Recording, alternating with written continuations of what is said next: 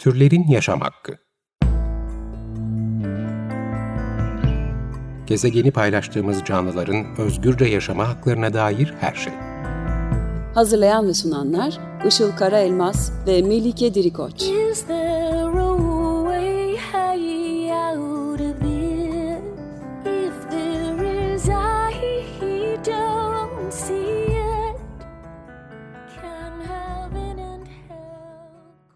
Merhabalar, 95.0 Açık Radyo'da Türlerin Yaşam Hakkı programı başladı. Ben Melike Dirikoç. Bugünkü program destekçimiz Simden Oral'a teşekkür ediyoruz. Evet maalesef daha 6 Şubat'ta gerçekleşen e, depremin etkileri devam ederken 20 Şubat akşamı da e, maalesef e, Hatay başta ölmek, olmak üzere yine pek çok ilde hissedilen e, bir deprem yaşandı 6.4 büyüklüğünde.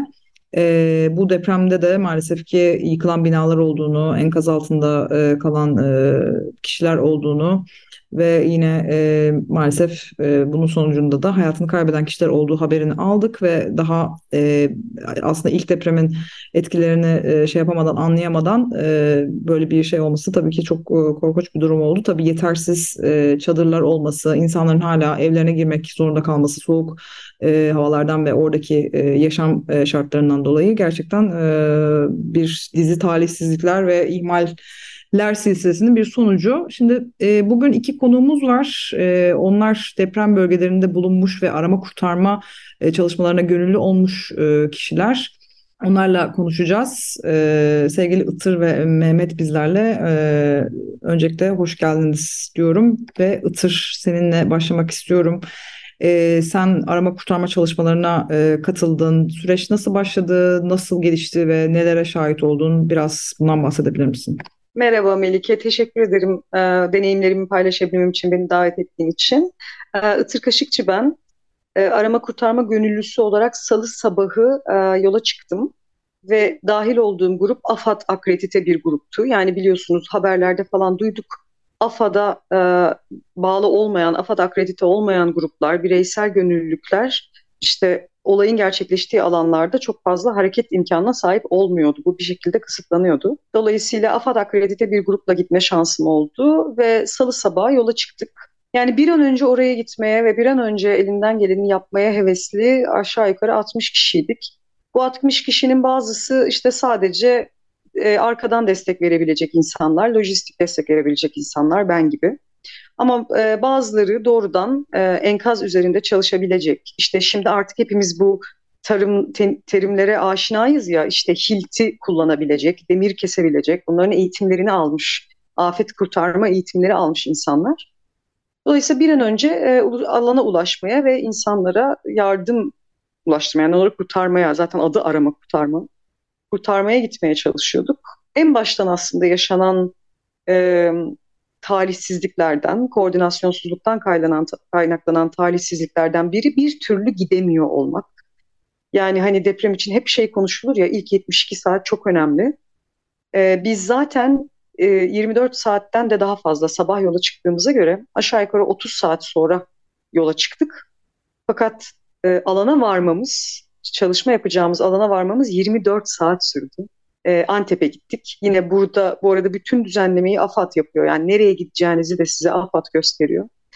E, ve yolda da imkanları bir anlamda AFAD sağlıyor. Ama zaten depremden dolayı havalimanları hasar gördüğü için, e, mevcut havalimanlarında çok fazla hava trafiği olduğu için yani yardımlar iniyor, işte arama kurtarmacılar iniyor, bölge halkı bölgeden uzaklaşmaya çalışıyor falan.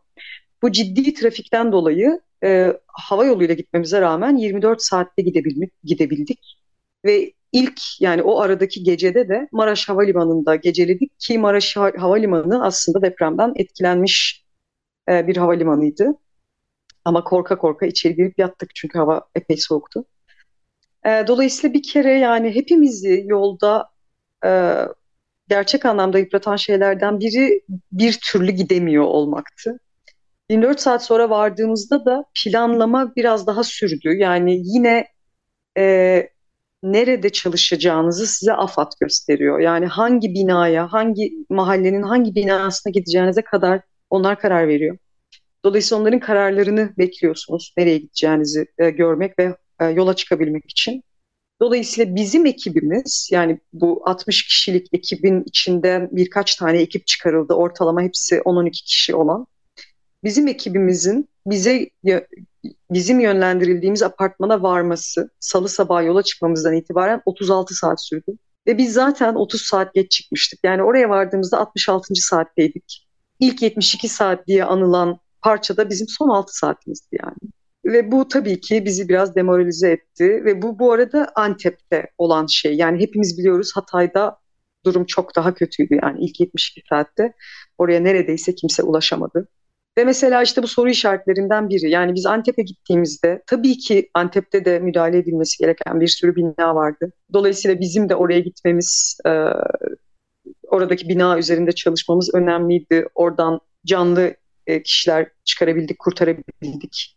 Ya da bazı işte maalesef kaybettiğimiz insanları en azından ailelerine ulaştırabildik. Ama mesela biz Antep'e yönlendirildiğimizde Hatay'da neredeyse kimse yoktu. Ama yönlendirme oraya yapılmadı. Fakat bu düzenlemeler hani e, gönüllü ekiplere çok fazla söz hakkı vererek olmuyor. Yani dediğim gibi AFAD'a akredite gitmek durumundasınız alana e, aktif olarak girebilmek için. Yoksa bu durum çok zorlayıcı bir hal alıyor. Ama akredite bir grupla gittiğinizde de düzenlemede çok fazla söz sahibi değilsiniz. Yani size gönderil gösterilen yerde çalışıyorsunuz. Dolayısıyla bu şekilde biz Antep'e vardık ve e, bir enkazda çalışmaya başladık bu enkaz çalışmasını biz düzenlerken daha önce afet eğitimi almış olan, arama kurtarma eğitimi almış olan, işte bu aletleri kullanma eğitimi almış olan arkadaşlar doğrudan enkaza e, yöneldiler ve orada kurtarma çalışmaları yaptılar. Kimimiz geride durmayı tercih ettik. Ben onlardan biriyim. E, hem zaten bu eğitimleri e, almamış olduğumdan ama hem de ben psikoloji alanında çalışan biriyim. E, belki de psikoloji alanında olan insanların en e, rahat ettikleri konulardan biri kendi duygularından, kendi sınırlarından utanmamaktır. Ee, benim bir adım geride durmamın bir sebebi de yani biz zaten sosyal medyada, televizyonda gördüğümüz görüntülerden çok ciddi travmatize olduk. Bizi çok ciddi yıprattı. Buna bu arada ikinci travma deniyor. Yani doğrudan siz travmaya maruz kalmıyorsunuz ama travma görüntüleri yani bu işte e, ortadaki ım, yaşanan kötü görüntüler, doğrudan aktarılan görüntüler sizi de ikincil olarak travmatize ediyor. Dolayısıyla ben özellikle bir adım geride durmak istedim. Çünkü neyin beni travmatize edeceğine dair fikirlerim vardı ve dolayısıyla e, buna yol açmak istemedim. Yani orada yardım için bulunmamın, insanların iyiliği için bulunmamın bana böyle bir geri dönüşü olsun istemedim. E, bu yüzden de doğrudan enkazda çalışmadım. Benim mesela alanda gördüğüm en büyük eksikliklerden biri. Bu arada koordinasyon kesinlikle eksik. İşte dediğim gibi gecikmeler var, yönlendirmelerde çok anlamadığınız noktalar var. Ee, biz Maraş Havalimanı'na girdiğimizde Maraş Havalimanı'nda yığılmış yardımlar vardı. Battaniyeler, yiyecekler, kıyafetler. Ama onlar oradan bir yere dağıtılmıyor yani oradalar. Dolayısıyla havalimanında kalan bir kısım depremzede e, ve biz mesela dışında hiç kimse ulaşamıyor onlara. Dağıtılamıyorlar. Dolayısıyla böyle sıkıntılar vardı. Belki bunlar biraz daha şimdi aşılmıştır. E, biz ilk hafta gittik çünkü.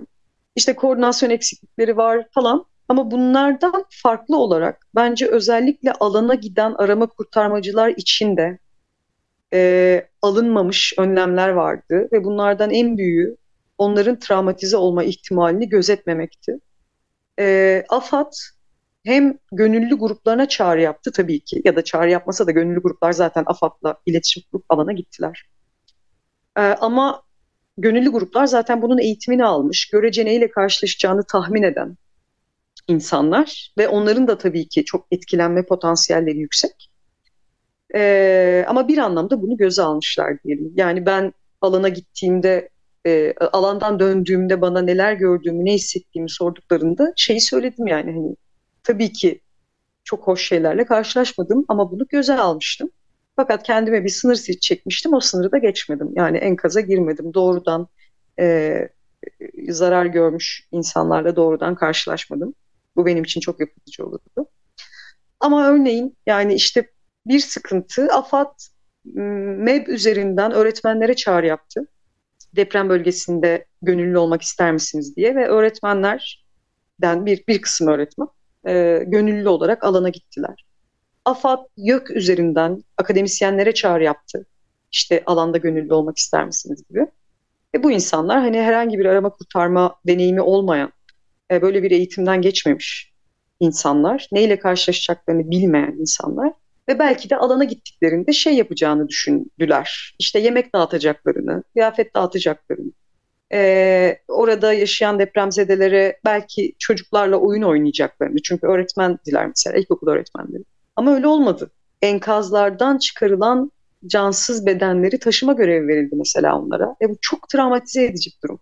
Yani dolayısıyla koordinasyonsuzluğun ötesinde depremzedelere hem maalesef enkaz altında kalanlar hem enkazdan kurtulmuş ama dışarıda yaşam mücadelesi verenlere yardım yeterince ulaştırılamadığı gibi yardım et için çağrı yapılan insanlar da travmatize edildiler ve onlara herhangi bir başka destek verilmedi. Ee, dolayısıyla yani genel olarak benim oradaki deneyimim tabii ki çok hoş bir deneyim değildi ama zaten yani çok hoş olmasını beklemiyordum ben giderken. Yani bu koordinasyonsuzlukların zaten farkındaydık. Belki o yüzden de gittik. Yani bir ucundan tutabilmek için gittik. Fakat dediğim gibi alanda yani hem depremzedelere hem orada gönüllü gitmiş arama kurtarma ekiplerine e, yönelik çok fazla yani ihmal edilmiş nokta vardı. Umarım bunlar biraz daha iyileşmiştir diyeceğim ama dün yaşanan depremlerde e, işte hala bu iyileşmenin sağlanmadığını, örneğin insanlara çadır kentlerin kurulmamış olduğunu birçok yerde. Dolayısıyla evlere girmiş olduklarını ve risk almış olduklarını duymuş olduk. Gerçekten insan bir noktadan sonra ne diyeceğini bilemiyor. Yani umarım bir an önce e, herkes ihtiyacı olan yardıma ulaşır. Burada hem depremzedelere yönelik yardımlardan hem de arama kurtarmacılar, arama kurtarma ekiplerinde sebep oldukları travmaların yardımlarından bahsediyor. Umarım bir an önce herkese e, yardım ulaştırılır ve umarım bu yani hiçbirimiz unutmayacağız bu depremi tabii ki. 99 depremi de hiç unutamadık. Bunu da unutmayacağız. Buradaki deneyimi de unutmayacağız. Burada ne kadar yalnız bırakıldığımızı da unutmayacağız. Evet, çok teşekkürler. Ee, sen de zaten bununla alakalı bir post paylaşmıştın. Ee, ben elimden geleni yaptım diye ve e, gerçekten de öyle. Yani bütün gönüllülerin çabaları çok değerliydi. Fakat bahsettiğim bu koordinasyonsuzluk e, ve e, müdahalede gecikmişlik bir sürü şeyi de aslında aksatıp yani böyle bir silsile haline geldi. Yani e, efektif bir şekilde müdahale edememesinde aslında bu koordinasyonsuzluğun e, çok büyük e, etkisi vardı cidden. E, tabii yani bu e, insan arama kurtarma çalışmalarında böyle oldu. Bir de insan olmayan hayvanlar açısından e, aslında neler deneyimlendi, deneyimleniyor. E, e, hala tabii işte içinde hayvanlar olduğu halde yıkılmaya çalışılan binalar olduğunu görüyoruz. Bununla alakalı işte sosyal medyadan farkındalık yaratılmaya çalışılıyor ama zaten aslında bütün yani canlıların kurtarımında maalesef e, bir sürü sorun yaşanıyor. Bu anlamda da ben e, Mehmet'e aslında yöneltmek istiyorum soruyu. Mehmet sen e, insan olmayan hayvanların da arama kurtarma çalışmalarında bulundun. Ee, ve hatta yeni geldin bildiğim kadarıyla e, deprem e, bölgesindeydin. E, senden dinlemek isterim. Neler oluyor o açıdan, neler yaşadın? Biraz anlatabilir misin? Ya ben de şöyle bir giriş yapayım. Sesim geliyordur herhalde diye düşünüyorum. Evet geliyor. Ee, tamam, teşekkürler. Ee, benim de gidiş hikayem biraz farklıydı. Ee, normalde aslında hani maalesef ki bu tarz kriz ortamlarına biraz alışığım. Yani Türkiye'nin son 10 yıllık tarihinde birçok yere gittim. Ee, birçok kriz ortamında, kaos ortamında bulundum. Ama bu kadarını beklemiyordum. Yani çünkü kameramla her yere giderim. Yani fotoğrafçıyım. kameramla tekrardan e, ilk günün otobüs bulmaya çalıştık bir fotoğrafçı ekip arkadaşlarımızla. Bir otobüs bulduk. Ee, giden acil bir şekilde ne kadar yüklemişlerse yüklüyorlar. Ee, görüntüler şey geliyor yani bu kadar aciliyet e, işte kıyafet veya battaniye falan hızlıca bunlara ihtiyaç olmaması gerektiğini düşünüyorsun. Çünkü bunların koordinasyon işte AFAD gibi büyük kuruluşların e, direkt sorumlu olan kuruluşların hemen hızlıca sağlayacağı bilgisi var bilinçaltında ama maalesef ki öyle olmadığını alana varır varmaz fark ediyoruz. Ee, işte ilk otobüste vardığımızda ikinci günün öğle saatlerine denk geliyordu. Bir parka vardık ve insanlar orada toplanmışlar. Ben de direkt Hatay'a gittim. Antakya, Defne'ye gittim. E, merkezde iki ilçeden oluşuyor zaten Antakya ve Defne. E, vardığımızdaki görüntüde insanların ilk defa birilerinin geldiğini söylemeleri çok garip geliyordu. E, alan da bu arada çok geniş olduğu için özellikle e, Hatay merkezde yani yıkım alanı çok e, geniş. Eğer bir ekip görevlendirmişse bile AFAD yani mümkün değil 2-3 günde o alanı taraması yani hızlıcana çok daha organize bir şekilde göndermesi lazımdı. Nitekim ben bütün alanı neredeyse yürüyerek gezmek zorunda kaldım çoğu o merkezin günler boyunca 10 gün boyunca orada kaldım. Yani ilk girdiğimde gece saatlerinde e, en meşhur Armutlu Mahallesi vardır biraz politik bir mahalle. Oraya hızlıca gittik ve orada sadece e, İstanbul Büyükşehir Belediye'nin itfaiye ekiplerini gördük ve bu sosyalist camianın e, gönüllülerini gördük. İşte bir yerden e, arama kurtarma eğitimi almıştır. Yanına birkaç kişi daha almış gidiyor. Yani durumun fotoğraf çekmeyi bıraktık yani çekemedik. Biz de hemen bir grubun yanında arama kurtarmada hani ne yapabilirsek hani o bilen kişinin yönlendirmesiyle e, çok şok olduk. Hani biz ekipler olacaktır diye düşünüyoruz ve o ekiplerin arkasından göreceğiz diye düşünüyoruz ama o kadar çok alan ve hala her binanın önünde yıkıntının ya da önünde bir aile ya da bir kişi duruyor. Burada birileri var lütfen buraya gelin. Burada birileri var lütfen buraya gelin diye. Ya cenazesini istiyor ya da ses. Zaten e, açıkçası yani bu gibi bir yıkımda e, hani ilk evet 3 gün çok önemlidir. Ama yani 8-9 gün boyunca bile arama kurtarma taraması yapılabilir. Yani nitekim e, son günlerde yaşadığım bir örnekti. Hayvan arama kurtarmalara katılmıştım. O süreci de bahsedeceğim kısaca. Ee, Avustralyalı bir ekip var. Arama kurtarma ekibi gelmiş. Bir yandan ses dinlemesi yapıyor, ses alıyorlar. Öbür yandan harfiyat kamyonları çalışıyor. Yani aslında çalışmaması lazım ve hala arama kurtarmanın devam etmesi lazım. Bu harfiyat kam- kamyonlarının sesini susturmaya e, çalışıyoruz. Bir yarım saat falan onları öbürünü susturuyoruz, öbürü çalışmaya başlıyor. Öbür taraftan can sesi duyuyorlar. Ee, demek istediğim zaten koordinasyon eksikliğinden değil, koordinasyonun kendisinin var olmamasından bahsetmeliyiz. Aslında hiçbir koordinasyon yoktu.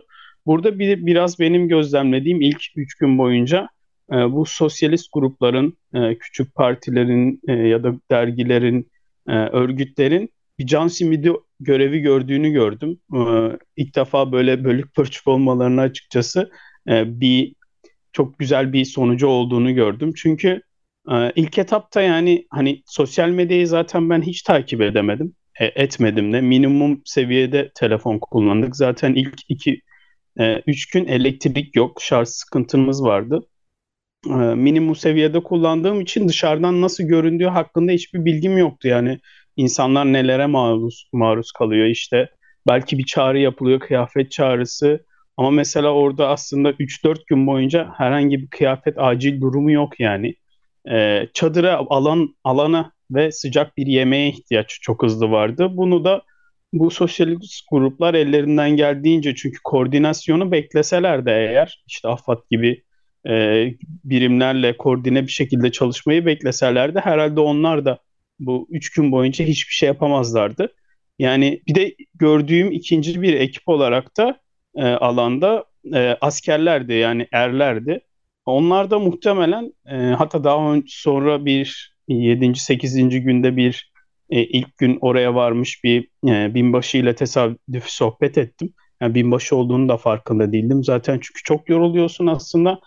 Yani aslında ilk 5 gün her şey ortadan kalkıyor. Senin fotoğrafçı olman, öbürünün asker olması, öbürünün başka bir şey olması.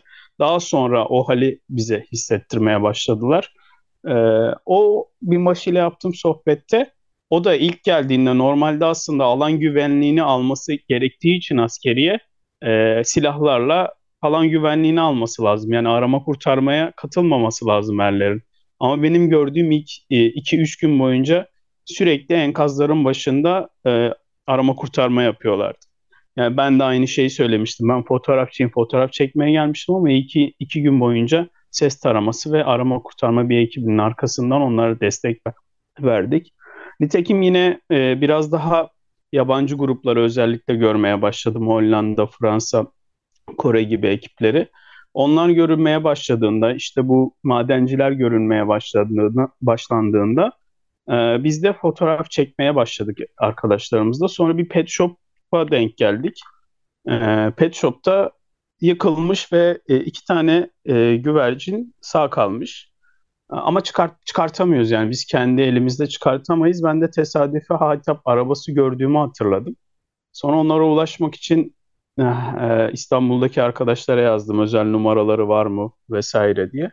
E, sonunda bulduk yerlerini, denk geldik ve e, baktım gerçekten de çok e, canla başla oradan bir özellikle Mehmet isminde bir arkadaş daha vardı. Çok çaba sarf ediyordu. Ben de onlarla devam etmeye başladım. Çünkü artık dediğim gibi yani arama kurtarma devam ederken yıkımlar başladığı için hızlıca yık, e, enkazı toplamak istiyorlar. E, yıkımlar başladığı için bir korku sarmıştı beni de. Yani çünkü göz ardı edecekler. Bir sürü e, hayvan içeride, hayvanını, e, dostunu orada bırakıp kaçmış olanlar var ya da ölmüş olanlar var. İşte ailesinin başında duran köpekler var. E, alandan da çıkmak istemiyorlar. Özellikle e, evde olan, e, sahipli olan hayvanlar genelde evlerden de çıkmıyorlar enkaz olsa da. E, bu bu daha kötüydü. Hani onları almak daha çok, zordu. Zaten mesela şoka da girmiş. Örneğin bir, bir gece bir eve girdik. 5-6 kişi.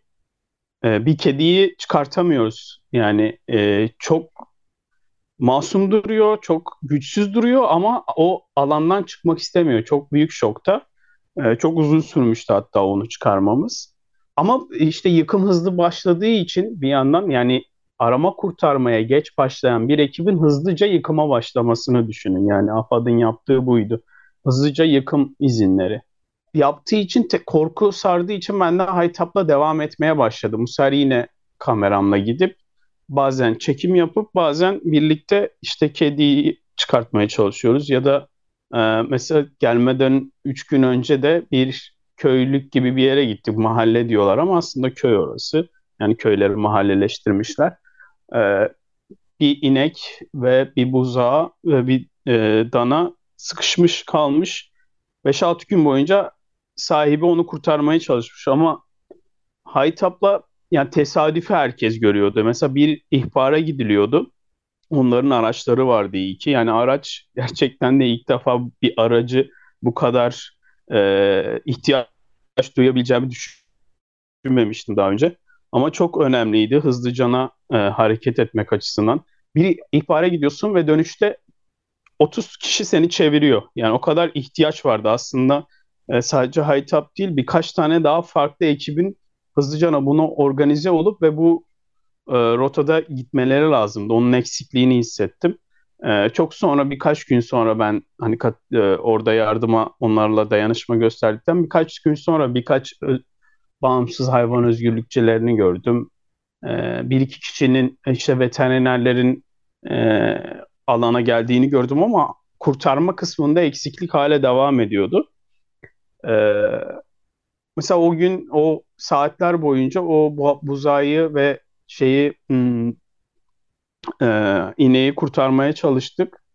Onları kurtardık sonunda belediye bir, bir belediye ekipleriyle. Yani onların da e, imkanları çok kısıtlıydı. E, çünkü bir vinç lazım oluyor, bulamıyorlar. Yani e, işte bir iş makinesi lazım oluyor, bulamıyorlar. Ancak belediye ekiplerine yani biraz şey olmuş gibi oluyordu. Sonlarda bunları bulabildiler. Çünkü biraz e, arama kurtarmayı insan yönünde e, yavaşlattıkları için bu sefer boşa düşen e, bitleri falan izinle alabiliyorlardı e, ITAP'takilerde. Ya bir enteresan olan şeylerden biri de şey bir günde tesadüfi ben e, bir arkadaşa dil konusunda destek olmak için e, video çeken arkadaşa Avrupa Birliği'nin delegasyonunu takip ettim bir gün boyunca. Oradaki koordinasyon merkezlerini. E, çok ilginçti. Bir daha böyle beşinci gün falan e, şeyler toplanıp gidiyor. Dördüncü gün, beşinci gün. Mesela İsviçre'ye gidiyor, işte İzlanda geri dönüyor yani. Ve bunlara bu izinleri veren AFAD. Yani dönebilirsiniz. İşte kendi aralarında konuşuyorlar, dinliyorum. Romanya ekibi de şey diyor bize AFAD git diyene kadar biz de kalacağız. Yani zaten ertesi günü de arama kurtarmayı biz bitirdik dediler. O dolayısıyla Avrupa Birliği'nden gelenler de dönmeye başladı. Yani çok sonra bu e, Haytap'a gönüllü bir ekip geldi Almanya'dan. Onlar da gönüllüler ama profesyonel bir ekipler. Ekipmanları var. E, çok sağ olsunlar. Onlarla da bir sürü kedi köpek e, kurtarıldı. Onlarla konuştuğumda neden biraz geç geldiniz dedim. E, arkadaşın söylediği şuydu. Biz dört gün boyunca AFAD'dan izin almayı bekledik. Yani kendi ülkemiz izin veriyor ama Türkiye'den izin çıkmıyor. Ee, ve tabii ki maalesef biraz yavaş yavaş sonuna geldik süremizin 95.0 Açık Radyo'da Türlerin Yaşam Hakkı programını dinlediniz. Bugün deprem bölgelerinde insan ve insan olmayan hayvanlar için arama kurtarma çalışmalarına katılmış iki konuğumuz bizlere e, yaşadıkları deneyimleri aktardılar. Kendilerine çok teşekkür ediyoruz aktardıkları için. E, ve e, bir sonraki programda görüşmek üzere diyoruz. Kendinize iyi bakın. Hoşçakalın.